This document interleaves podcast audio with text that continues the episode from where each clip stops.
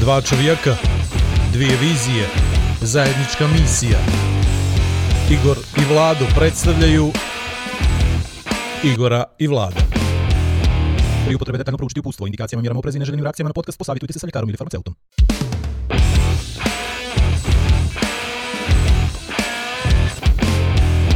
A da vi rečem. To je to. Aj! Zvone mi uši. Aj zdravo. To je to. Čekajte Idemo. nas. Sezona Zdravo. 2. E, šta je ovo? A, ovo je, ovo je, ovo Nije je pilot, ovo je kopilot jedan. kopilot, pilot i kopilot. Kopilot jedan. Ajde. Ajde, Nema ajde. ko se prepoznao ovo kopilot, a?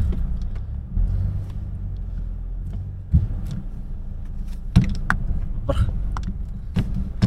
I ovo direktno na ono page, a? Direktno na page. Ajde ti, jesi ti krenuo sa rec na mikrofon? Jesam. Dobro. To?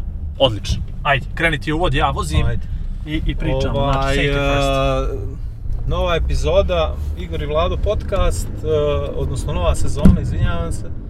E, odlučili smo da napravimo nešto drugačije zato što su sile i prilike takve. A i može nam se, jeli? Tako da, evo iz kola. Mnogi se ljute što ovi blogeri, vlogeri, instagrameri, youtuberi rade nešto iz kola. Jel? Pa jes, ono, Ne znam, ne znaš, znam, ne znam. slušaju muziku pa nešto kao glume i to A. i sad oni misle da, da to utiče na bezbjednost na putu, ali mi ćemo da dokažemo da je to potpuno kod nas ono, lagano, bez ikakvih problema. Zato što ću ja da pričam, Igor će da vozi. Kliman glavom. Hoćemo mi ovaj mikrofon, hoće li ga tu papne? Neka tu je, vidi, ima čitavo vrijeme, imamo, imamo nešto. Imamo nešto. Igor Majer je imao jako interesantno ljeto, ja nešto manje interesantno ljeto. Ali ti si imao, ti si imao avanture neke. E, Mislim, pričat ćemo i o tome. Podsjeti me. Pričat. Podsjeti me. Eto A. tako. U ovom Ne. trenutku se uploaduje... Ćemo li posle dodamo tekst ili sada dodajem tekst? Dodaj tekst, ajde, neka ide sve, neka ide sve, neka ide sve. Ja ću da pričam sad. E, nismo se, nismo on se, priča, on priča čitav, da. nismo se pozdravili lijepo na kraju naše prve sezone. I Jesmo. neka nismo. I to je bilo dobro. Ne volim ja one, zašto ja ne volim? Ne volim ja one emisije kad ljudi prave ono, znaš sad, zadnja Da. epizoda, ovo ono, i onda ti očekuješ nešto veliko, a u principu, jel, isto shit, samo drugo pakovanje kao i do sad.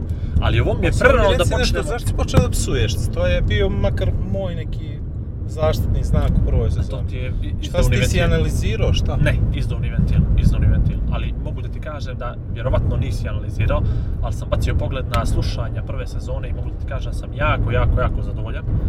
Ko, čemu Majeru parama, ajde. Nema veze to s parama, nismo dobili ni jednu uplatu, samo da znaš o Patreonu.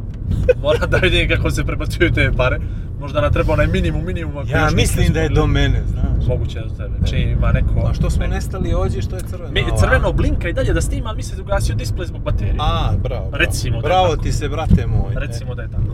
Evo A- sad se uploaduje, znači, najava za drugu sezonu. Ali nije druga, pa to mi... A Jes, kako je- brate, druga? kako ma jes, Znači, čim badokle. napraviš pauzu 20 dana, to je druga. Svataš, bili smo na pauzu Meni 20 je dana. To, meni je to druga to je sezona, ovo je pao mikrofon, čisto Pa ovaj znaj, mikrofon i ovo je moje koljeno bilo. Ovaj, prošli sad. U, u, princ, u, u, biti, u biti, samo sekund, U Vlad. biti, Ovo nešto koči, ovaj kabel. Ajde, držim ja mikrofon. ajde. On mi drži mikrofon sad, samo da Ne, znate. ja sam htio da kažem, ja sam htio da kažem da je meni druga sezona bila nekako od septembra, znaš. Ali nema veze, to je tu, to je za, za, To je za to, ja. par dana. Ajde vidimo ovaj mikrofon, samo, sad ne možemo da ga držimo. Čekaj, samo da vidimo što ćemo još da uradimo s njim. Čekaj, dobro je to, ajde. A znaš što mi... Da, vjerujem, znaš Šta je ovo, ja ću držim mikrofon. Nemoj da držiš. Evo, brate, što?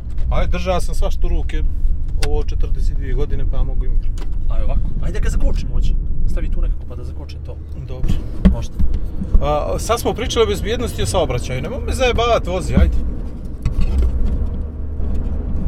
Znaš što, ako Ja nađem, držim mikrofon, vidi, ako samo da znate, ja držim mikrofon. Evo, Ako nađemo ajde. dobar setup i ako ovo ispane kako treba, mene samo stavi da ćemo svaku sljedeću epizodu u auto. da snimamo. Ako budemo imali goriva. Od Podgore. je, A slušaj da. ovo, Slušaj. idemo sad na Krnovo odmah sljedeću. A ti si za Krnovo zapeo, A još ćemo to, a tačno zato što svi idu tamo da se fotkaju. Kod vjetrenjača. E, to. A, može. Pa ćemo i mi da, šta? Ma Može. nećemo na Krnovo, idemo, idemo na Žablja. Da promovišemo tvoj biznis. Može? Od toga ćemo oboje da živimo. Jer nemamo čega drugo. Nemamo čega drugog. A, Dobro. Vidi, Ajde, pričaj. idemo da se vidimo sa Zekom. to i nije neka informacija. Jest. Pričaj što smo pobjegli od naroda. Pa pobjegli smo, u prin- za, za, nismo se zasitili, ja mislim se nisam ja zasitio, meni je bilo taman. I, Nisam ni ja. E, i bilo nam je fino. Vladu ne vjeruje. Mene, Dobro. meni je fino bilo, ali mislim da je trebala jedna pauza da se napravi. I žao mi je sad što nismo imali kao taj zadnju epizodu sezone. Kaže se Ali- posljednju, ajde. A ja ću da vozim, a ti vodi, ti vodi ovu epizodu. A, Pa dobro, me stalno neko pegla, kaže se ovako, kaže se onako. a pa dobro. Vlado, zato što radiš, živiš u medijima, razumiješ? I to je E, potpuno normalno da živim, tebe... jeli? Živiš, živiš u medijima, jesam to dobro rekao? Tako je. Bilo je periodno dvije godine sam spavao Eto. u mediju. Tako da ništa nisam pogrešno rekao. Dobro.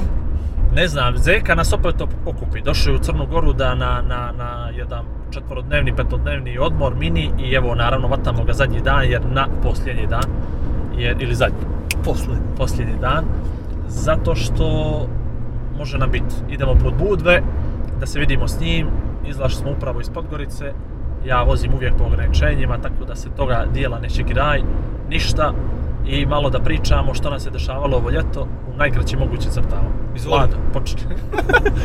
Izvoli meni, eto, sve si ispričao za mene. Ti. Ja. Ne znam, dobro, bilo je, nećemo, pričat ćemo mi u drugim epizodama, u narednim, narednim epizodama o detaljnije, ali ja bi samo da sumiram ovo gdje sam ja bio što sam ja radio. Ajde. U principu završio sam dva Ironmana u četiri nedelje. To mi se još nije se dešavalo. hvališ, to je čudo jedno, pa pitao si me što sam bio, što sam radio, čovječ. Završio sam dva Ironmana u četiri nedelje. Dobro. toga je ovaj drugi bio Norseman. Dobro. Puno ćeš imat prijatelja u životu, nemaš ih još što ćeš da ih imaš. I znaćeš puno Ironmana, e, jeste, i znaćeš puno Ironmana, i znaćeš puno triatlonaca, i znaćeš puno raznih ljudi, ali mogu da ti se kladim da nikad nećeš poznati još jednoga koji je završio Norseman. Razumiješ? Dobro. I to je sva poenta, A dolazi li Tomica na Ocean Lava sljedeće godine? dobra ajde. Kako volim oko kako ga rasturamo od Nije, početka. dakle, nije Tomica, nego je Tomislava, a drugo on kako je završio. Norseman, on dobro to zna. Nećemo se odavati, imamo neke stvari koje se dese na Norsemanu, ostanu na Norsemanu. Da, da. I to je to. Ko je koga gurao na kraju, ko je kome dozvolio da završi prije. O tom Tomislave, pozdrav, ali opet ne možeš ti biti prijatelj. Realno, jel? Pa ne. Eto. A ti mi možeš biti prijatelj. A eto, trudim se. Trudim se da te ne odbijem od sebe. Iako si ti, iako se ti... Treba nam muzike. Treba muzike. Dobro. Ajde, Hoćeš ti da podvučeš. To ću ja da podvučem. Ovaj, e, dobro, tebi je bilo lijepo, čini mi se. Mada si ti tamo na kraju imao, ovaj, imao jedno proštajno pismo o triatlonu. Yes. Kao takmičar.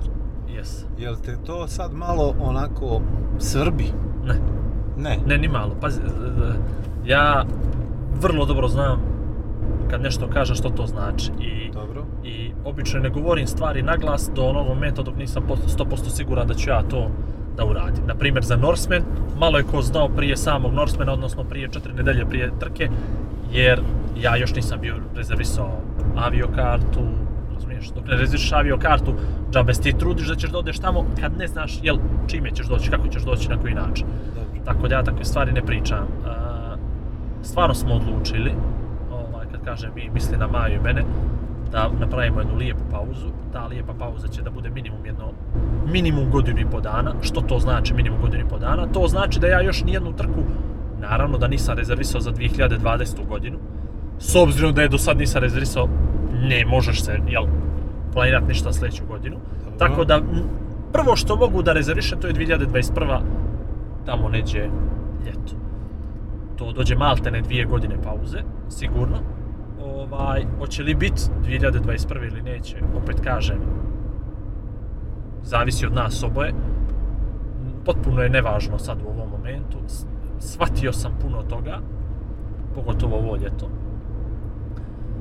Bio sam na, na, na trkama na koje ljudi sanjaju da budu cijelog života. Naravno ne svi neki to jel i, i odu, ali Rot i Norseman mogao sam prije godinu ili dvije da samo maštam o tome da jednom u životu to završim, a meni se desilo samo bi trke uradio u četiri nedelje. Znači to je, Dobro. to je nešto nestvarno. Ajmo sad za ovu laičku javnost, šta je Rot, šta je Norseman? Kratko, samo kratko. Rot je najveća trka u Evropi u Ironman distanci. Nije Ironman vlasnik, Challenge je vlasnik, e, to je trka na koju je 250.000 navijača. To je trka koja ima Tour de France moment prolaska kroz narod na jednom usponu, to je trka na kojoj završavaš na stadionu, to je trka koja ima 5000 volontera i to je trka koja se rasproda za 40 sekundi, 4500 ljudi kupi slotove za 40 sekundi godinu dana unaprijed. Dobro. Tako, biti dio takve trke je osim želje velike, jel, svemu tome, potrebna je velika količina sreće da upaneš u svemu tome. A naravno, opet imaš Ironman koji je, uh, Ironman distancu koja, jel, nije to tek tako da samo prijaviš, treba to i završiti. I želio sam jednom u životu da to uradim i eto, desilo se ove godine. Da, da sam to pro, pro- prošle godine dobio slot za ovu godinu. I bio si još talično dobio si neke naočare, jel? Kako voli nagrade igre, kako voli nagrade igre. guzica, ne mogu da vjerujem. Često su nagrade igre od 4.500 ljudi, iz, izvukli su 10 ili 15 dobitnika, od toga se ja dobio naočare. Nisu to ove, evo ih. da probaš? Ne, Rudi Project. nemam pojma. Evo, u tu čast. Eto. u tu čast ovaj, nosimo Rudi Project. I samo četiri nedelje poslije toga je bio Norseman, a Norseman je trka koja je prva trka u svijetu u ekstremnom triatlonu. Dakle, Norvežani prije 16 godina, jedan Norvežan je odlučio da napravi trku koja će da bude konkurentska trka uh, Ironmanu Kalmaru u Švedskoj. Međutim, Kalmar ima ono što Nor- Norveška nema, to je donekle toplo more, ravnu stazu i biciklističku ravnu i trkačku. Strašno je popularan bio, bila ta trka u Kalmaru u Švedskoj. On je završio tu trku, htio je da napravi nešto u Norveškoj, kapirao da nema šanse ni približno ništa i onda je odlučio da napravi kontra svemu tomu i napravio je plivanje, e, odlučio da napravi trku koja se pliva u hladnim morima, koja se vozi po platojima planinskim i koja se trči po planini i završava na planinskom vrhu. Tako je rođen Norseman prije 16 godina sa samo 20 ljudi na početku. Ništa probam, samo to, ajde. Ton ton radi radi. I, E? i Norseman je postao trka broj 1 na svakoj bucket listi svakog triatlonca na ovom svijetu. A zašto je to tako? Zato što samo 250 ljudi godišnje smije da učestvuje, odnosno može, toliki je kapacitet trke. A za tu trku se prijavi otprilike 6 do 7 hiljada ljudi da hoće da učestvuje. I igra se lutrica. I ko te izvuče... Ti opet ima sreće i na lutriji. E pa vidiš nisam dobio na toj lutriji slot, ali zato otuda Black Lake. Aha. Dakle, Da. Black Lake se rodio iz ideje kako Igor da dobije slot za Norseman. I onda sam ušao pravila, malo čitao i da ne dužim priču, uglavnom Ko organizuje trku ko organizuje trku, ima- ovamo ima nešto, može da se iskompenzuje, tako smo mi to nešto kompenzovali i ja sam bio jedan od srećnih, jel te, dobitnika specijalnih 10 VIP slotova i tako sam se ja obreo na Norsemanu. I s obzirom da sam te dvije trke završio, u jednoj godini shvatio sam da sve ostalo je samo, ne znam ni ja što, Pepeovi šaš. Bukvalno. A i prije si imao jedan moment ovaj lirski, bio sam na krivom putu, par grehova u minutu. Ne, ne sjećam se to je Jay Ramadanovski, ajde. A dobro. ajde. Ovaj, uglavnom, shvatio sam da je to to. Ispunio sam stvarno Odmah shvatih iz prve da sve su sem tebe bile kurve koje sam se stidio. I, ovaj, I evo, vraćam se, imao tri trke, pa sam na mene s njim. E, to je to, Vlado, ne znam što ti kažem. Svaka ostala trka, ne kažem ja da nije specifična po nečemu i posebna po nečemu, ali stvarno ne postoji više ni jedna trka na osi. Ima ih, ima i ne kažem, ima. Volio bi da odradim, evo, da bude sad zvanično. Volio bi da odradim bjekstvo iz Alcatraza. To je triatlon trka koja je u San Francisku, gdje krećete iz Alcatraza, iz zatvora, bježite od njega, plivate do obale uh, San Francisco, onda vozite biciklo i trčite. Ta trka se zove Escape from Alcatraz. Bili to volio odradim? Bi. Je li bezobrazno skupa? Golden Gate-u, jel? Jeste, be, koja bezobrazno skupa trka kao što je i Norseman bezobrazno skup, odnosno nije on sam po sebi skup, skupa je Norveška, jel? Odnosno nije skupa Norveška, no ovo smo mi sirotinja, pa je nama sve to skupo. A, Rot je također skup u smislu da je s tolikim brojem ljudi vuče to da je da su hoteli u više gradova oko njega potpuno rasprodati, i apartmani, da je sve to nevjerovatno skupo. Bjesko, bjekstvo iz Alcatraza je skupo samo po sebi zbog putovanja jel, do San Francisca i sama kotizacija su je skupa, košta skoro 900, 900 dolara samo da se, da, da se prijaviš, da se registruješ na tu trku. čekiraš. Ponovo nekakva lutrija. Ima i tu, međutim ja sam tu lutriju dobio prije 3 godine, ali sam odustao kad sam vidio kolike su cijene, su te godine podigli, podigli cijene, nevjerovatno. Tako da ima, ima, i to je jedna trka i možda još ima par nekih e, trka koje nisu nužno triatlon, koje su neki kao maraton des Sables, jel, maraton u pustinji. Ovaj, ima jedna još trka od koje bih o tom potom, ako se ikad desi ne bih, ne bih ovaj, ne bih otkrivao. I shvatiš da je onda sve to što radiš kasnije, Sad ne si znam, bio kao onaj voditelj jutarnjeg programa, znaš, kad najavljuje pa kaže "E, imamo to i to, imamo to i to, imamo i sjajno i sjajne Ali goste, ostanite ali uz nas! ne bi otkrivali da... ne. Ali eto, ne bi da otkriva zato što možda će se to realizovati, razumiješ, nešto da bude jedna velika A ja vijest sam i to je mislio taman da si počinio, tako sam se obradovao. A ne, jesam ja počinio, Znači, pa evo kažete do 2020. Mučiš se, brate, to je... znači, To je to, Mučiš pa. se. U principu, ne znam, svi ti treninzi, sve to što je, to je jedno veliki trag na, ostavlja na, na porodicu, Trag u beskraju. Nije u beskraj, brate, nego znaš gdje ga ostavlja, razumiješ? U redu. pačoš, gubiš uh, mnogo vremena, mislim, gubiš mnogo vremena. Ulažeš mnogo vremena u nešto što na kraju, Što je na kraju konačnom čisto... ishodu ne daje baš ono što ti bi volio, jel? Tako je. Ne samo što bi ja volio, ja to volim, ali, ali ostavlja tragove Dobro, na pa, porodicu, ali- na nekoga koga najviše voliš, Tako razumiješ? je, pa I to to je je to. to, pa. I nije sporno, nije sporno. I nikad neću osporiti da, da triatlon nije samo mene promijenio, da je promijenio na bolje. Evo nam je policija, ali ljudi su nam blicali. Do duše ja vozim 60, tako da nema potrebe da, Dobro. da se to sve radi. A, evo, pozdrav ekipi. Kažem, Dobro. nije, nije tajna da je i porodica moja imala benefit u svemu tome. I da su oni uživali u svemu tome. I da je za njih to bio jedno lijepo putovanje. Ali ipak mislim dominantno da sam ja bio u centru pažnju svemu tome Kao i da je vas da vrijeme zajebava, i da je vrijeme da ja malo skalam sa tim. Dobro. Ehm, pa dobro, meni je stvarno žao što ne batališ potpuno. Što i dalje pričaš o nekim deadline-ovima. Ali i vidi, nisu to deadline, koliko ja imam godina? Da, 38, Vlado. Znam, ali... Znači, ovo su stvari, vidi, Norseman da sam uradio s 50 godina, ja bi bio zadovoljan A čovjek. znam, ali mi to I nekako Bjeksu iz Alcatraza u narednih 15 godina da A uradiš. previše mi je to vremena, shvataš, koje otmeš od familije, ne znam.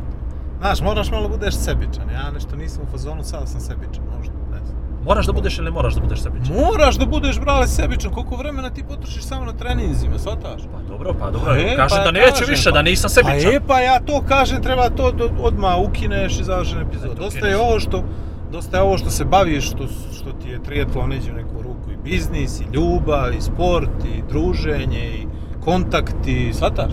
To je sasvim dovoljno, ja mislim. Mislim.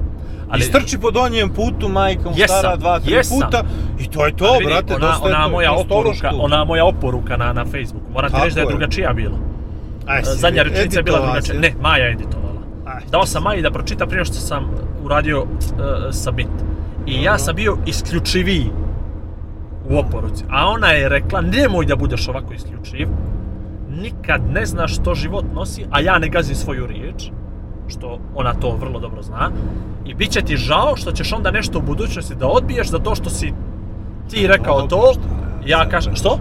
Pređeš na paragliding, ne, ma kak? I, zna, I onda mi je to u stvari bilo da ovaj ona maraton, to ne želi, Vlado, ona to ne želi da ja E. potpuno stavim, ja sam to tad shvatio. I eto, to je to. Dobro, dobro. Ovaj, pa dobro. E, meni je drago što si to završio, što si makao to s vrata. I drago mi je što ćeš jednu godinu i pol dana da batališ, jer ja mislim to, ne znam, to je lijepo jedno, dva put, tri puta, ali ti si ono prećerao za moj pojam. Pogotovo kad pogleda čovjek koliko imaš obaveza, čime se sve baviš, šta si sve batalio da radiš zbog toga i tako da. Tako da, ovaj, neka si, mislim, neću da se miješam u te tvoje životne odluke i tvoj primitivni život, što bi rekao jedan patiji prijatelj. Ali, ovaj, Ali se slažeš sam- odlogom. potpuno sam saglasan i bio sam baš srećan, ono, konačno sam nekako, ne znam, radovao se konačno nečemu što sam vidio s tvoje strane da je napisano Hvala, na Vlado. Facebooku. Uvijek, imat, uvijek dobro imati prijatelja koji je uz tebe u najtežim momentima. Tako je, pa to je najteži moment, sad tu si bio najemotivniji. Pa jesam. E, pa to je to. Pa jesam. Ja sam ti dao podršku. A pola njih je govorilo, nemoj, nemoj, dobro ti je, ide ti od... Pa ide mi odlično, brate, ide mi odlično. Nije, e, sam vidi, ja se u kući. A, Vlado, ajde, sad pričamo, naš je podcast, možemo da pričamo o čemu hoćemo. A Da. realno je, realno je da ovakve trke, osim što jako puno novca koštaju, a koštaju. Sad, puno je opet kategorija u Da, kojoj nekome da. nije puno, ali ajde i novac po strani, ali vrijeme koje se provede ja samo vrijeme na to. ništa. Slušaj, slušaj, ne samo za treninge, nego na to. Znači mi, evo, glupo je reći za to što mislim. Da mi, na primjer, ove godine nismo pošli na odmor. Jel? Ne mogu ja sad reći, sad što je glupo, ali i moja familija bi voljela smo pošli neđe u neki hotel ili neđe gdje ima neki bazen gdje ti jedeš da se sladolede, jesti to, to sve, jedete, a oni su vamo, a oni su bili u Rot, u njemačko selo, bukvalno, sedam dana, gdje su uveče imali, gdje su uveče morali duge rukave, gdje se nijedan dan nisu niđe naravno kupali, jel nije bilo to. Onda smo nakon toga bio Ja Leo pozdrav za rođendan. ambasadu Njemačku koja će nam biti sponsor. E, Ali smo bili u? Legoland, u Legoland. Vidi, dobro? Leo je dobio Legoland, poslije toga to mu je bio, to mu je bio Dobro. rođas poklon. I što smo mi uradili poslije toga? Nismo se vratili kući, ili nismo pošli u Terme Čatež, nego smo pošli da gledamo Tour de France. Dobro što opet doživljaj, jel? Jeste doživljaj, ali to nije odmor kakva djeca Tako, od 10 tako godina je, i tako. 7 I godina i žena moja zaslužuje, žena tako. želi, a potrošili smo i vrijeme i novac na to Tako gdje je. smo dobili neko iskustvo stvarno koje je takvo, ali ja bi stvarno volio da mi odemo na odmor. Poprilično neupotrebljivo za crnogorske prilike. Tačno? Pa to ja pričam, čitao. To je to. A jesmo li dobili iskustvo? Jesmo. I na kraju kad djecu pitaš highlight ovog ljeta, vjeruj mi Tour de France. Pitaćeš Klaru, pitaćeš Leja, znači oni Tour de France ne mogu da se ispričaju dovoljno koliko je to na njih ostavilo utisak. To je bilo, Pa to je bilo fenomenalno. Znači ja bi, Pa možemo podcast samo o tome da pričamo što je to, kako, kako je to izgledao taj naš jedan dan na Tour de France. Stvarno je bilo isplanirano, vrhunski, nije da skreple, pazi, ulazimo u tunjel. Skidamo naočale. ide li, ovaj, ide li sad ovo ako smo ušli u tunel? Kako ne ideš, te ne li vidiš? priča za tunjel? Što ti to nešto na Nikšićana, jel? Ko, ja? Nemam pojma čemu ti. Je završio ti? Šta, imaš još nešto kažeš? Za tunjel? Ne bre, nego za ovaj Ne. Tour de France. Ne. Ali to je, to je, to je, to je, to je Pazi. poenta priče. Za, treba imat moment kad kažeš, ok, druže, proživio sam za svojih pet godina posljednjih nešto što sam mogao da maštam, ja sam, ne drugi da maštam. Dobro. A što drugi stvarno maštaju. A Meni je postoji- krivo što oni ne ispune i volio bi da ispune. Pazi, Ali da sam to postoji ispunio... moment kad treba znat, kad Jeste. treba malo da se skala. I da mi se to jel? desilo u narednih 10 godina, ja bi također bio sretan i zadovoljan i, i, i, i, i, i, i zahvalan kome sve ne. Vladi Ali, Crne Gore i resorno ministarstvo. Ali- sport i mlade. dosta je bilo. Stvarno, i stvarno je to stvarno mislim da je dosta bilo. Ali neka, evo vidiš što se ove godine desilo. Pazi, ja sam u januaru smo bili Maja i ja u Alžir na, na prvi triatlon u Sahari. Ja sam dobio poziv u oktobru mjesecu, Igore, da budeš naš gost i tvoja e, supruga, završit ćemo ti vizu, završit ćemo, sve ćemo da ti završimo mi, tvoje da se pojaviš. A pliva se kroz živi pijesak jedno. Plivali smo u oazu. Plivali smo u oazu 1000 km duboko u Saharu, znači 8 stepeni je bila voda. Smrzli smo se prvi put u životu da mi je jezik utrnuo. Da vilica da mi je utrnula, na, to, je- to je katastrofa bilo kako je bilo teško. Zamisli ti to može se desi čovjeku koji ovoliko može da priča, znači da mu utrne vilica. Jezik. Jezik. Ovaj, baš je bilo, ali kažem ti da sam bio isključiv, nikad ne znaš što, što vrijeme nosi. Evo sljedeće godine ja znam da je jedan triatlon iz naše X3 World Tour serije u Maroku. I već ima kontakte tamo, ali kontaš, ne, ne, ne može, opet ću poći u Maroko zbog triatlona, a neću poći u Maroko zbog pleasure. Fudbala. Pleasure, jel? Jasno. A to ne želim da radi. Simple pleasures are the best. Kaže Janet Jackson, na primjer. Što si ti radi ovog ljeta, Vlado? Ja, ja sam, ja sam dokoličario. Ja sam baš dokoličario, mnogo sam se ispričao sam sa sobom, ti to znaš da to nije dobro. Nije dobro, ali se dešava Nije meni. Ja sam dobro, na ali Norsemanu ovaj, dosta pričao sa sobom. I e, mogu da ti kažem da sam bio potpuno zadovoljan kako sam se ispričao sam sa sobom. Dobro. Ozbiljno. I što je zaključak? Ima li Zaključak je da, da mi je dobro u sobstvenoj koži i da treba nađem način da budem bolji. Eto, to je to. Ali sad je dobro, okej. Bio sam na Kipru, potpuno neočekivano. Zahvaljujem se upravi futbolskog kluba Sutiska, koja mi je ovaj, uručila poziv da pratim duel između Apoela i Sutiske. Prvi put od 2006. od kako se bavim sportskim novinarstvom, da me neko zvao i rekao, slušaj, dođi, prati, gledaj, da vidiš kako to izgleda, da nisam morao ništa da radim, nisu me forsirali moji iz televizije da šaljem bilo kakve reportaže, da bilo šta ali ja sam bio kreten, odnosno nisam mogao da ne radim, Bila je super ekipa novinarska, pozdravljam sve, gospodina Željka Šoća, kao najstarijeg ću da izdvojim, ali tu su bili Uroš i ostala banda, bilo nam je fenomenalno, pozdravljam Cimera Ivana Maksimovića ovom prilikom. Mogu I da ja- se ne bi ovo E. pretvorilo u pozdrav i čestitke, to je nešto što treba svako da, da, da osjeti. Pozdrav iz Cetinja, Pozdravi toka. sa kružnog toka. Kakva riba. O, Au, a u podcast. ali- Evo pauza ali- podcast. ne, ne, ništa. Ništa, ništa, Ništa, ništa. E, u principu, e, super je bilo, stvarno je bilo super. Šteta što, kažem ti, što nisam za, za svoga vijeka sportskog novinara više to ovaj, Od- od- doživio izvini, puta. Od, od, otkud Ivan Maksimović tamo? Ivan Maksimović radi PR za sutinski evropske utakmice. Ja? Da, već Super. godinama i radi odlično svoj posao i Ne vrlo vidi, vidio sam, vidio sam ti, vidio sam ti ona dva, uh, Znači, čovjek su live, koji- jesu ono bili live ili samo video? Live-ovi, da, Live-ovi su mi bili, smo dobro, ja super kasnije. družili, Ivan je odličan drugar i sjajan momak, Ne, ne, prva liga. Vidio sam da je jako pozitivno odreagovao na Ošlava Montenegro. Ma, on, pazi, znači ti ne možeš da vjeruješ kakav je on ovako, inače, i duhovit jako i... Pričao sam ti o njemu. E, Pričao sam ti... Tako je, tako Ne, potpuno nevezano svega toga, tako pričao sam tako ti je, mjesec tako dana je. prije toga. ljudi E. imaju neke predrasude, ono, ljudi su govna, vi ste govna. I Eto svi vi, tako- na- naši slušaloci, Tako, slušaloci, ste go, uglavnom. gledalci, gledalci. Eto tako, nemoj ko da mi je Maksimovića pipno, zadavit ću vas, eto. U principu bilo nam je super, vidjeli smo tu neku nevjerovatnu situaciju, sve je bilo fenomenalno, liše tog konačnog rezultata, ono kad izgubiš 3-0, ono nije ti, znaš, nije ti dobro. I moglo da bude možda i gore rezultatski, ali sve ostalo je bilo super, znaš, došli smo tamo da radimo i kad trebalo se radi, radili smo, brale, ono, znaš. Kad smo imali taj prostor neki kao da nešto, znaš, Ne radite. dokoličarimo, onda smo to radili. Šetali smo, e, prozivali smo Nikoziju Donja, Nikozija Gornja, Nikozija. Prolazili smo kroz dio gdje smo morali da provlačimo pasoše, pa smo izlašli iz grčkog Kipra u turski Kipar. Pa. To je nevjerovatno, mislim, to, da, da, ja sam to i rekao u onom videu, da, da ne znam istoriju ovih prostora, mislio bi da su oni luđi od nas, svataš.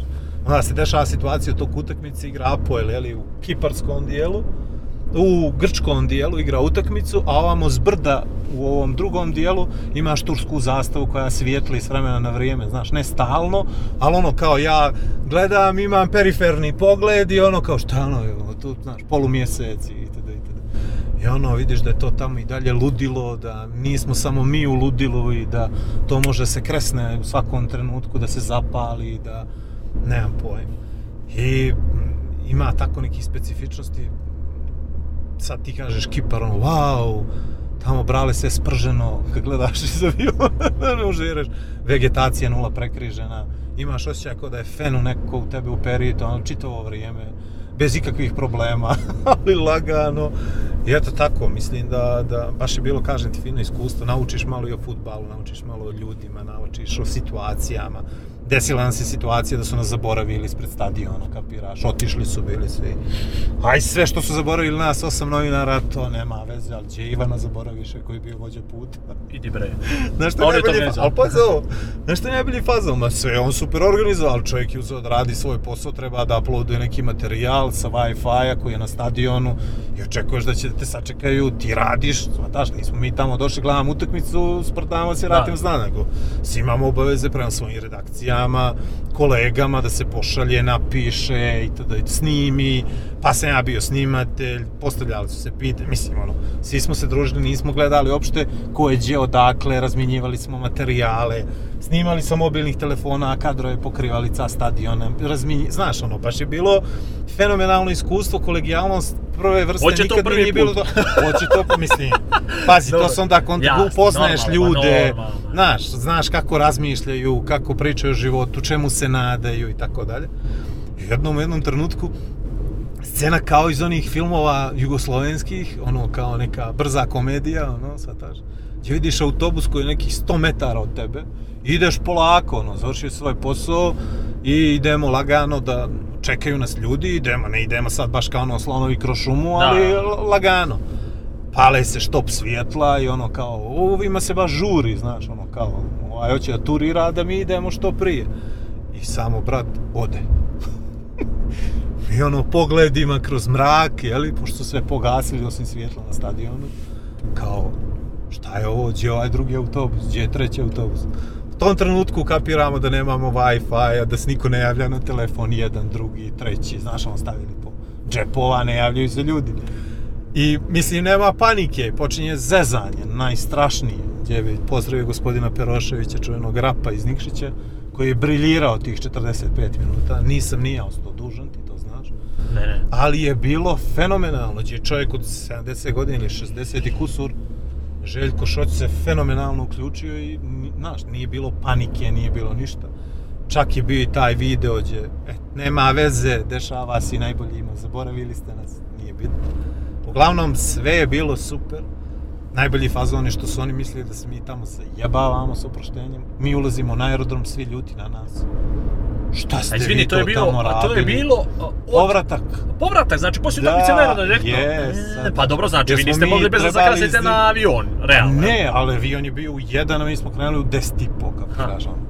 Tako da je bilo ovaj, tako da je bilo čudnih situacija, ono, šaljivih, duhovitih, Vidjeli to? piše Marija Majer. Aha. Sve li ti je na ženu je... Dobro, dobro, samo gledam Ide, ima. 35 Dobro. minuta. 30 minuta je prošlo.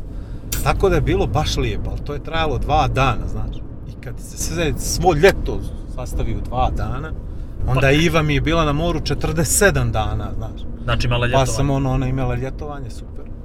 Tako da ovaj, nisam imao s kim da se družim, znaš, ti pobjegao neđe, ovi svi neđe bježali. I počeo sam da trčim, jebote. to samo budala može iz okolice, da počne da trči. Nije, nije Vlado, to je dobro. I počeo sam preskačem vijeću. Bravo Vlado. Tako da, ovaj, eto, to ti je to. I ja se nadam da će to da prestane brzo i da ćemo... Ne, ja se nadam da neće nikada prestati. Da ćemo, ovaj, da nađemo neke poslove koji će da zaokupiraju našu Sad ćemo to okupiraju našu pažnju. I nabacit ću tr- biceps i triceps zahvaljujući ovome mikrofonu. Eto, to da. Neka se snimi mikrofon. Ne, Vas da smo... Tako da je bilo lijepo, bilo je lijepo. I, ovaj, I neka traje, neka traje, zato što ti neki razgovori sam sa sobom i sa ponekim još ovaj, otvaraju pomalo neka... Čakru, od- neka vrata pred percepcije, što bi rekao. Onda sam se vratio nekim knjigama, znaš, počeo sam i da čitam. Nisam Dobro. odavno. Tako da, ovaj, i to je bilo jedno interesantno A iskustvo. što čitaš? Pa, čitao sam neke stvari koje sam čitao kad sam imao 10-11 godina. Na primjer, Kastanedu sam počeo da čitam, što sam čitao kao klinac. Predano, tad predano, a sad vjerovatno prekasno. Nije kasno. A, mislim, nije kasno. ono, Čitao sam neke biografije i autobiografije nekih muzičara, tako da, ono, potresla me neđe neka priča o Eriku Claptonu, strašno. Ja sam mislio da je on ko ti, ono, nešto, vas da nekom ego tripu i tada i tada, dok sam ga pratio. Ovaj, ali treba čovjek da zagrebe i onda... Pa jesi uspio mene da zagrebeš? Ne, ti si Ne, ja sam dalje rekao ti si, ti si ono mio drag, ali na momente, ostalo si u ego tripu. Znači moram pišem biografiju. Sad je modar, ljudi. Slušaj, Modar je u facu Znaš što si pričala, pričali smo kako smo se vratili s, s Norveške i pričao sam naravno puno ljudi o tome, o nekim detaljima, pričat ću s tobom van kamere i van svega toga. Ima, ima nevjerovatnih stvari je bilo. Žena kaže plavih, lijepih. I onda je neko rekao, ti bi trebao knjigu da napišeš. A, to da ti ne pričam. Ajde, nebitno to sad. Nisam u tom tripu, ja nisam u tripu da treba knjiga da se Ne, piše, ti, znaš, to znaš šta ćemo, ovako ćemo E. se dogovorimo. Ti ćeš da pričaš, ja ću da pišem. Svakako ja neću da pišem to, si to, to bez danje. Ja ću Moram da. Ne, moram da, na, moram da, moram da nađem, ja sam to rekao, moram da nađem nekoga ko će, ono, jel da piše, da ja pričam jedno dvije, tri godine, a sve to, jel, obuhvatio to napiše. Međutim, pričat dvije, tri međutim, godine, slušaj, slušaj, ali pazi ideje, jel pazi ideju, Vlado, reci mi, jel ovo najgenijalnija ideja koja od mene došla, a došlo ih je puno genijalnih. Ne, ne. ajde. Da napravim knjigu, A, da napraviš knjigu. da napravim, da izdam knjigu, Dobro, koja priča priču o triatlonu, dobro. posljednjih 5 godina, 6, 7, nije bitno. I koja se čita, naravno, kao svaka knjiga čita. Ali kad je okreneš, Aha, to je ista ta priča iz Majinog ugla. I srećemo se na sredinu. I ja pričam pola knjige, naravno s na desno, a kad je okreneš čitaš isto sve to, samo iz ugla žene, koja je sve to nosila vidi na ka- drugi način. Ka, A? ka, A? ka dvostruko razveden, ja ću. Brišem suze. A? Kaži tako mi to. me, tako jel, me. Jel to dobra ideja? Evo, tako me. Znači, ista naslovna strana, dvije boje, jedna druga i istu priču pričaš, odnosno istu priču Ali čitaš vidi, iz dva znaš kako sviđa mi se kako, kako tebi vas da klik radi za biznis, strašno, znaš, znači mogu muškarci, mogu žene, age grupe, razvedeni, DNF, zavedeni, DSK. DSP, DPS, SMP, demokrate, DF, Aha, Meni je to dobro. Jel dobra ideja? Meni je dobro.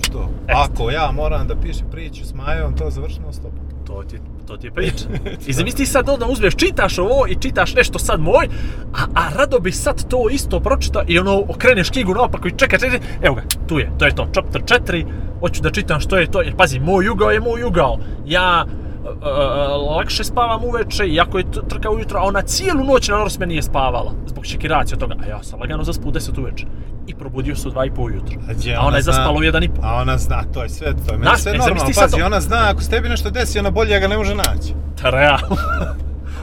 Već je, ali zamisli to, ajde, molim te. I ti sad čitaš jednu stranu gdje ja preletim to, ili njoj 15 strana o tome koji su to misli, sve tu bile. I šutra, na primjer, moja misao gdje ja vozim biciklo, jeli, prvih 25 km moram da popnem 1300 i u tunel mi se desi da padne s bicikla. Jesi sam, ozbiljno? jesam, ozbiljno sam pao s bicikla. Jesam, do, na 12 km sam pao I ništa mu nije bilo, to zamisli ne. koliko... E sad zamisli ti to kad ti padneš bicikla na takvu trku poslije, pos, u, u, u 15 km, a trebalo ti uru vremena do to 15 km, e što kreće s tobom da se dešava, kakva frka u glavu ti nastaje. A ona, na primjer, u tom momentu vozi auto i čeka mene neđe i ne pije kafu, znam da ne pije kafu i razmišlja o meni što je že i ja njoj ne smijem da pomenem da sam pao s bicikla jer ako ja njoj kažem sam pao s bicikla ja znam što će, jel, Dobro, u jednoj specifičnoj situaciji. jako je, jako, jako jedno jako, specifičnoj situaciji. napetoj, specifičnoj, Ne zbog tebe, tebe, nego eto tako. Inače, ovo je prvo auto što smo... Ovaj, samo zato što vozi ispod ograničenja. Tako je. Vozi čovjek Ovaj, ne, nego 45, čisto- a 60, ne, tako. 60 ograničenje, tako da sam ja... da priključujemo se ovoj kampanji o bezbjednosti u saobraćaju, bez obzira što možda ovo Uvijek, vama uvijek, uvijek, uvijek, nikad u životu, evo koliko vozim od 18, znači I koliko 20 se ja punih godina, s njim, stvarno, 20 bez punih godina nikad platio kaznu nisam, ni za što, E. ni za nepropisno parkiranje, ni za preticanje. To je put preko uspjeha, ne, nemojte plaćati kaznu. Mislim, nisu mi pisali, ne da nisam plaćao, nisu mi pisali kaznu. Ovaj, ograničenja su tu da se poštuju, sve ostalo. Vozim auto koji ima 200 konja i Dobro. potpuno je to Ajde ovaj, uh, ajde da, ajde da, ajde sad da nekako navedemo malo ovaj narod da, da, da znaju o čemu ćemo da pričamo sljedećih 7-8 mjeseci. ne šest, ja bi to do nove godine, pet. A nemoj, brate, tako nego, Pa, do ljeta. znaš. A ne, sezona cijelu godinu, mnogo mi je to brate, važno. Što ti je mnogo, pa Mnogo, ko... pa moramo pauzu napraviti januar, samo ti februar. kažem, pa dobro ti pravi pauzu, radiš što god ćeš. A ne no, to da imamo sezonu. Znaš, to je sezona druga, sezona treća, nekako je ozbiljniji smo i prema sponzorima. Realno, jel? Kad smo već kod sponzora, došli smo u situaciju da ja pričam o parama. Znači, znači, red bi bio da promijenimo makar ove majice. Znači, ja biznise više Igora Majera ne mogu da, ovaj, Al, al loše ti. da promovišem, Nije no, nisam htio prijatelj jer svaki put uzmem samo po jednu majicu. Tako da, Kad imaš ako nekakvi može- broj 3, 3x i 2l-a. Ne, sad pa 2XL može, čak možda sad u nekim varijantama mogu XL, ali nećemo još. Dok ne spuštim se, znači 110 kila sam, ali ali ovaj, ali strpljivo i stabilno. Pa da, Da, da, dobro. samo sam ih fino razmislio, uopšte nisam smršao. Dobro, dobro, slušam, slušam. Ovaj, tako da sponzori ukoliko Želite. nađete, nađete zajednički interes, možete da se javite na naš Facebook Page. ili na naše privatne Facebook profile ili da nas pronađete neđe na društvenim mrežama, gospodin Igor Majer i Vlado Perović. Tako da mi smo spremni skoro sve da reklamiramo.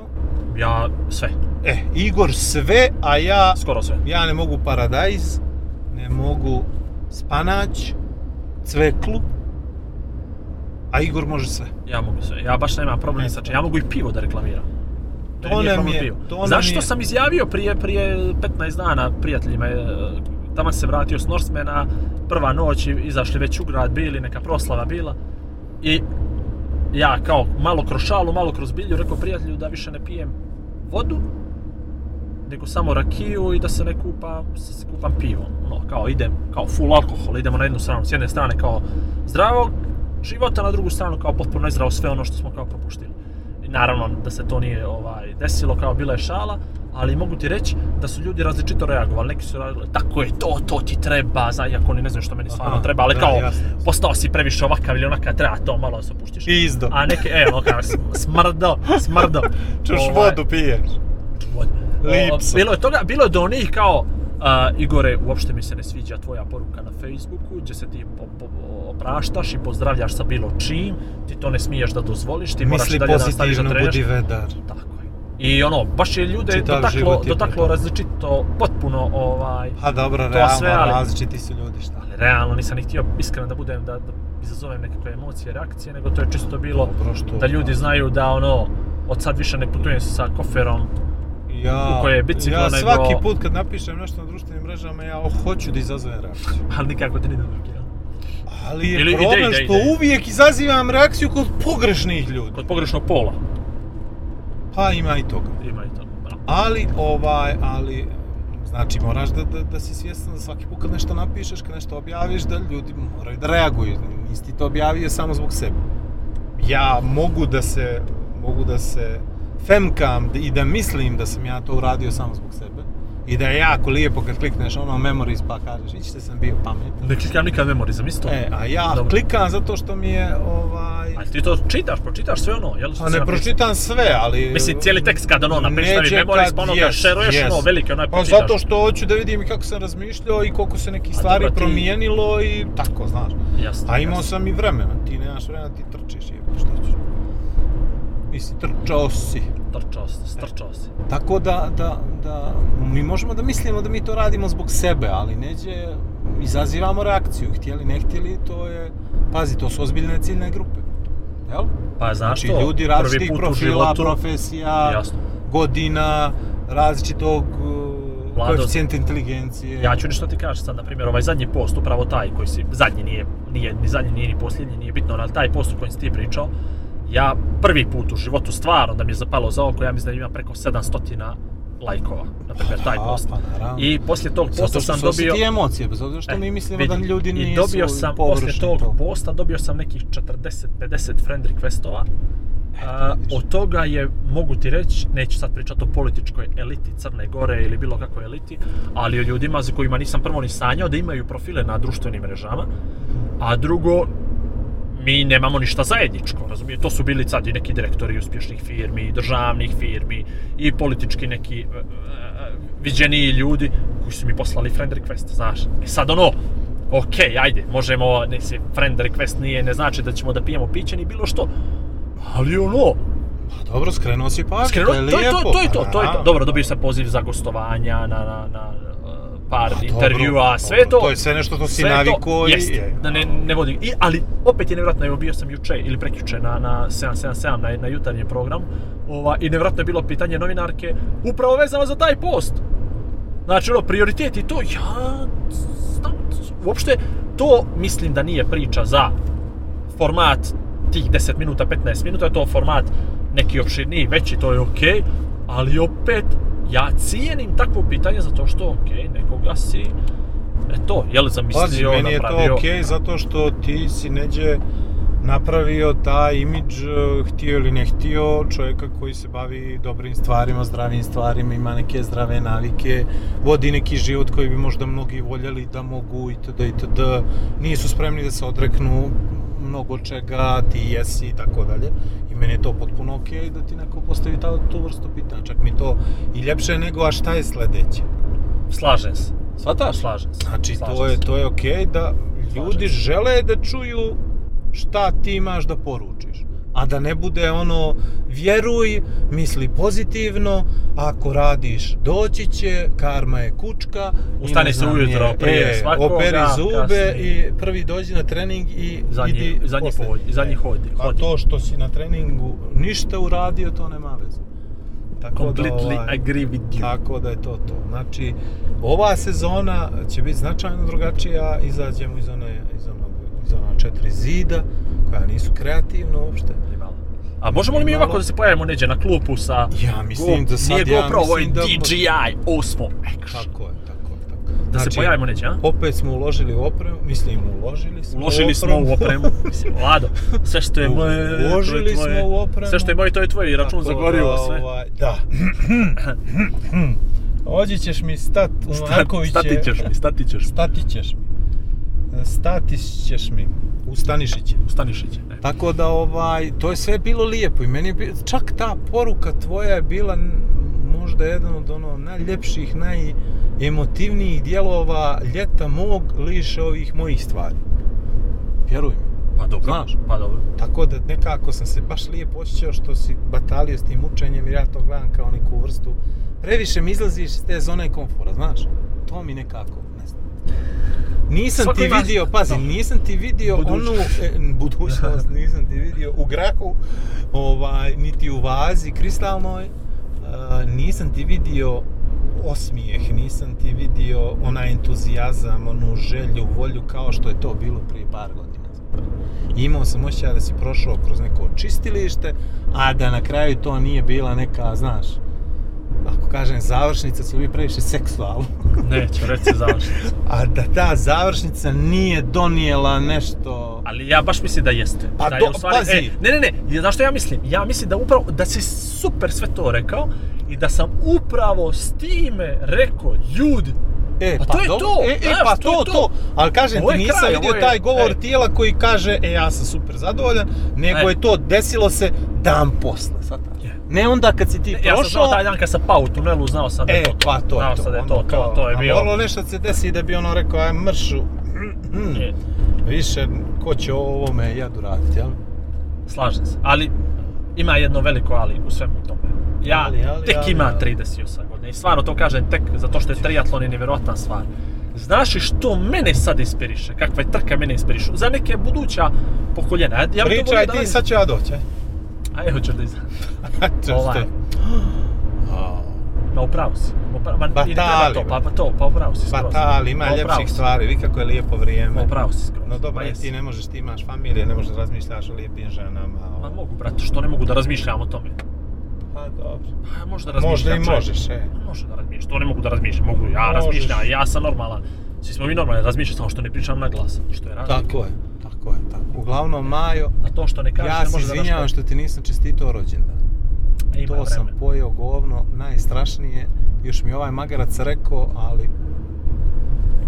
Tiš, tištile su me neke stvari. U tom trenutku tako da se... Maj, ja me izvinjavam. Eto tako. Don't happy, be worried. Dobro, ali znaš kako, ne, znaš kad se šutra sjetiš. Nema veze to. Grdno je. Nema, evo Eto ja tako, sad tebi, sam skinuo to sa vrata. ja ni tebi nisam četao rođenja, mislim. A, baš me briga, ja sam... a, Pričao sam ti za taj socijalni eksperiment. Pričali to mi prvi put? U, u prvoj sezoni. Podsjeti me. Znači, ja imam 4000 i... Samo reci koliko je vremena? 5 Prošlo. 6000 uh, 47, 47, ja? znači. Jer ova kamera ima još, ja mislim, 7-8 minuta, dobro? Uh, znači, Evo nas iz Labudve, e? Uh, 4500 prijatelja i ne znam nekoliko Mašala. 500 followera na Facebooku. Mašala. I šta se dešava? Dešava se svake godine 31. januara ja dobijem 1500 čestitki za rođendan. Svaka čast. Od ljudi koji nemam pojma ko su. Cijenim. Liše njih, ne znam. Znaš, Cijenim, dobro? e. Ok, ja sam javna ličnost, neđe možda sam interesantan ili nisam interesantan, pišem pametno ili ne pišem pametno, potpuno sve. Cijenim. Ali nekako je došlo do te brojke. Dobro. I ja sam magarac svake godine Ha, hvala, hvala, hvala, odgovorio hvala, svakome Hvala, bez hvala, copy paste itd. itd. zato što mislim da bilo ko ko je uložio bilo kakav napor vezano za to Odgovara adekvatnu makar reakciju. da dobija neku reakciju. Pogotovo ti neki ljudi koji su meni jako bitni, bliski i tako da. Itd. Njih itd. trojici, Dobro. četvoro, I s jednom ženom. I? E, i ja kažem samo sebe, a baš me interesuje šta će se desiti ove godine ako ja maknem onaj datum rođenja. Dobro. Desi se da mi šest ljudi čestita rođendan. Dobro.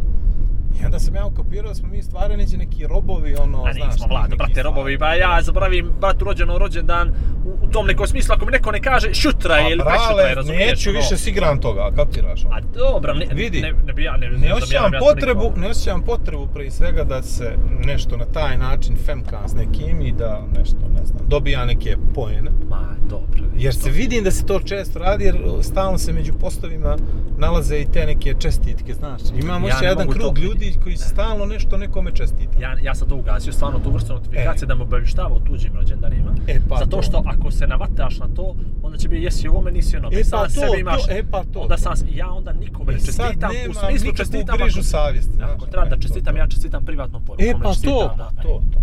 Di novim, Tako novim da- frendovima, strancima, njima moram. I ga druže, to ti je budući I ovima pa- iz ambasada i ovi što će da sponzorišu podcast. Iz ministarstava, jeste. Samo njima čestitam rođendan, ovi što mogu nešto da mi učine. Pa Tako ovim ostalima ne. ne. Tako da svako ko, ko želi malo da vidi gdje je, to uopšte nije loše. I Da. ima ona druga varijanta, jedno 7 dana bačiš telefon, nemoj nikome šaljaš poruku, nemoj nikoga da zoveš, čisto da vidiš.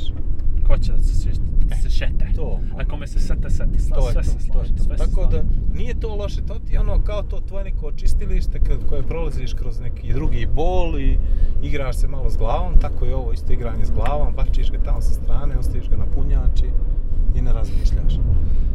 Bačiš, jest, telefon. Dobro. Počeli smo dvosmisleno, to je jako dobro. Ulazimo u budu. Mislim da je sad potpuno ok da posle 50 minuta vam kažemo ovaj, da ćemo biti dosadni i ove godine, odnosno i u ovoj drugoj sezoni, ali da ćemo biti dosadni na malo drugačiji način. Sam to lijepo rekao? Pa vidi, potpuno realno, s tim da prošlu godinu smo počeli o mojim biznisima, ovaj, i, i, I završili s mojim biznisima, a bolje da ne pričamo o mojim biznisima, Uh, a da završimo s tvojim biznisom. a nadam se da ćemo ovu godinu, ovaj, ponovno, ne, ova godina će da bude baš ljepuškast, pričat ćemo o tome, o tom Eto potom. Imamo, imamo, Sad imamo mogućnost znači, da snimamo šta hoćemo, gdje kad god hoćemo, s kim hoćemo. To je to. E, sad znači fora, idemo ovamo, Đigor pravi biznise, pa on the face of the place, što bi rekli kolege sa BBC-a. Dobro, dobro, slušam, slušam, slušam. E, Ovaj ćemo tu da radimo najavu, jel?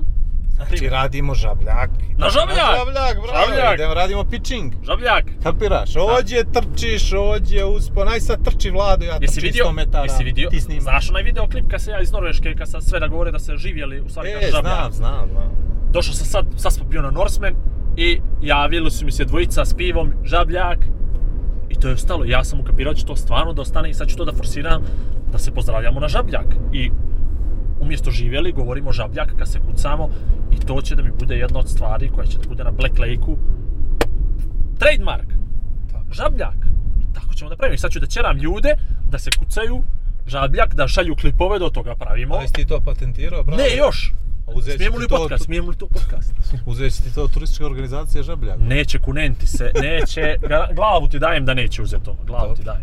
E, O tom, o tom, o tom potom. Mi smo trenutno pored Lugova, šteta što ne možete to da vidite. Ne, nećemo da okrećemo Ali kamerice i ovaj, to. Evo nas na kruži to to, smo budu, Zeka nas čeka budu, u neku kafanu. Hoćemo li da snimamo nećemo pojmati, ja E, nemam. lijepo bi bilo da ne, ne snima. Lijepo bi bilo da ne snima. Ali zavisi Mada je on uvijek inspiracija, on je uvijek inspiracija. Njega zajebat je mnogo ljepše nego bilo koga. Istina, Eto tako. istina. Tako zaista. da hvala vam, hvala vam dragi ljudi, pogotovo vam hvala drage žene. Zašto ovo mute dugme radi? A ne, mute je, u, ne, mute je za da slušaš, nije mute za mutiranje toga, no, ako si na slušalici. E, Eto tako, tako, ako ne budete imali to, onda budete imali ovaj, Samo ovo taram usta, mađemo ton za ovoga. to je to. Ovaj, aj zdravo. Pozdrav, Aj Pozdrav sponzorima. Iz prijestanice turizma. iz Presens turizma. Ćao. Ćao. Dva čovjeka, dvije vizije, zajednička misija. Igor i Vlado predstavljaju Igora i Vlada. Pri upotrebi detaljno proučiti upustvo indikacijama, mjerama oprezi i neželjenim reakcijama na podcast posavitujte se sa ljekarom ili farmaceutom.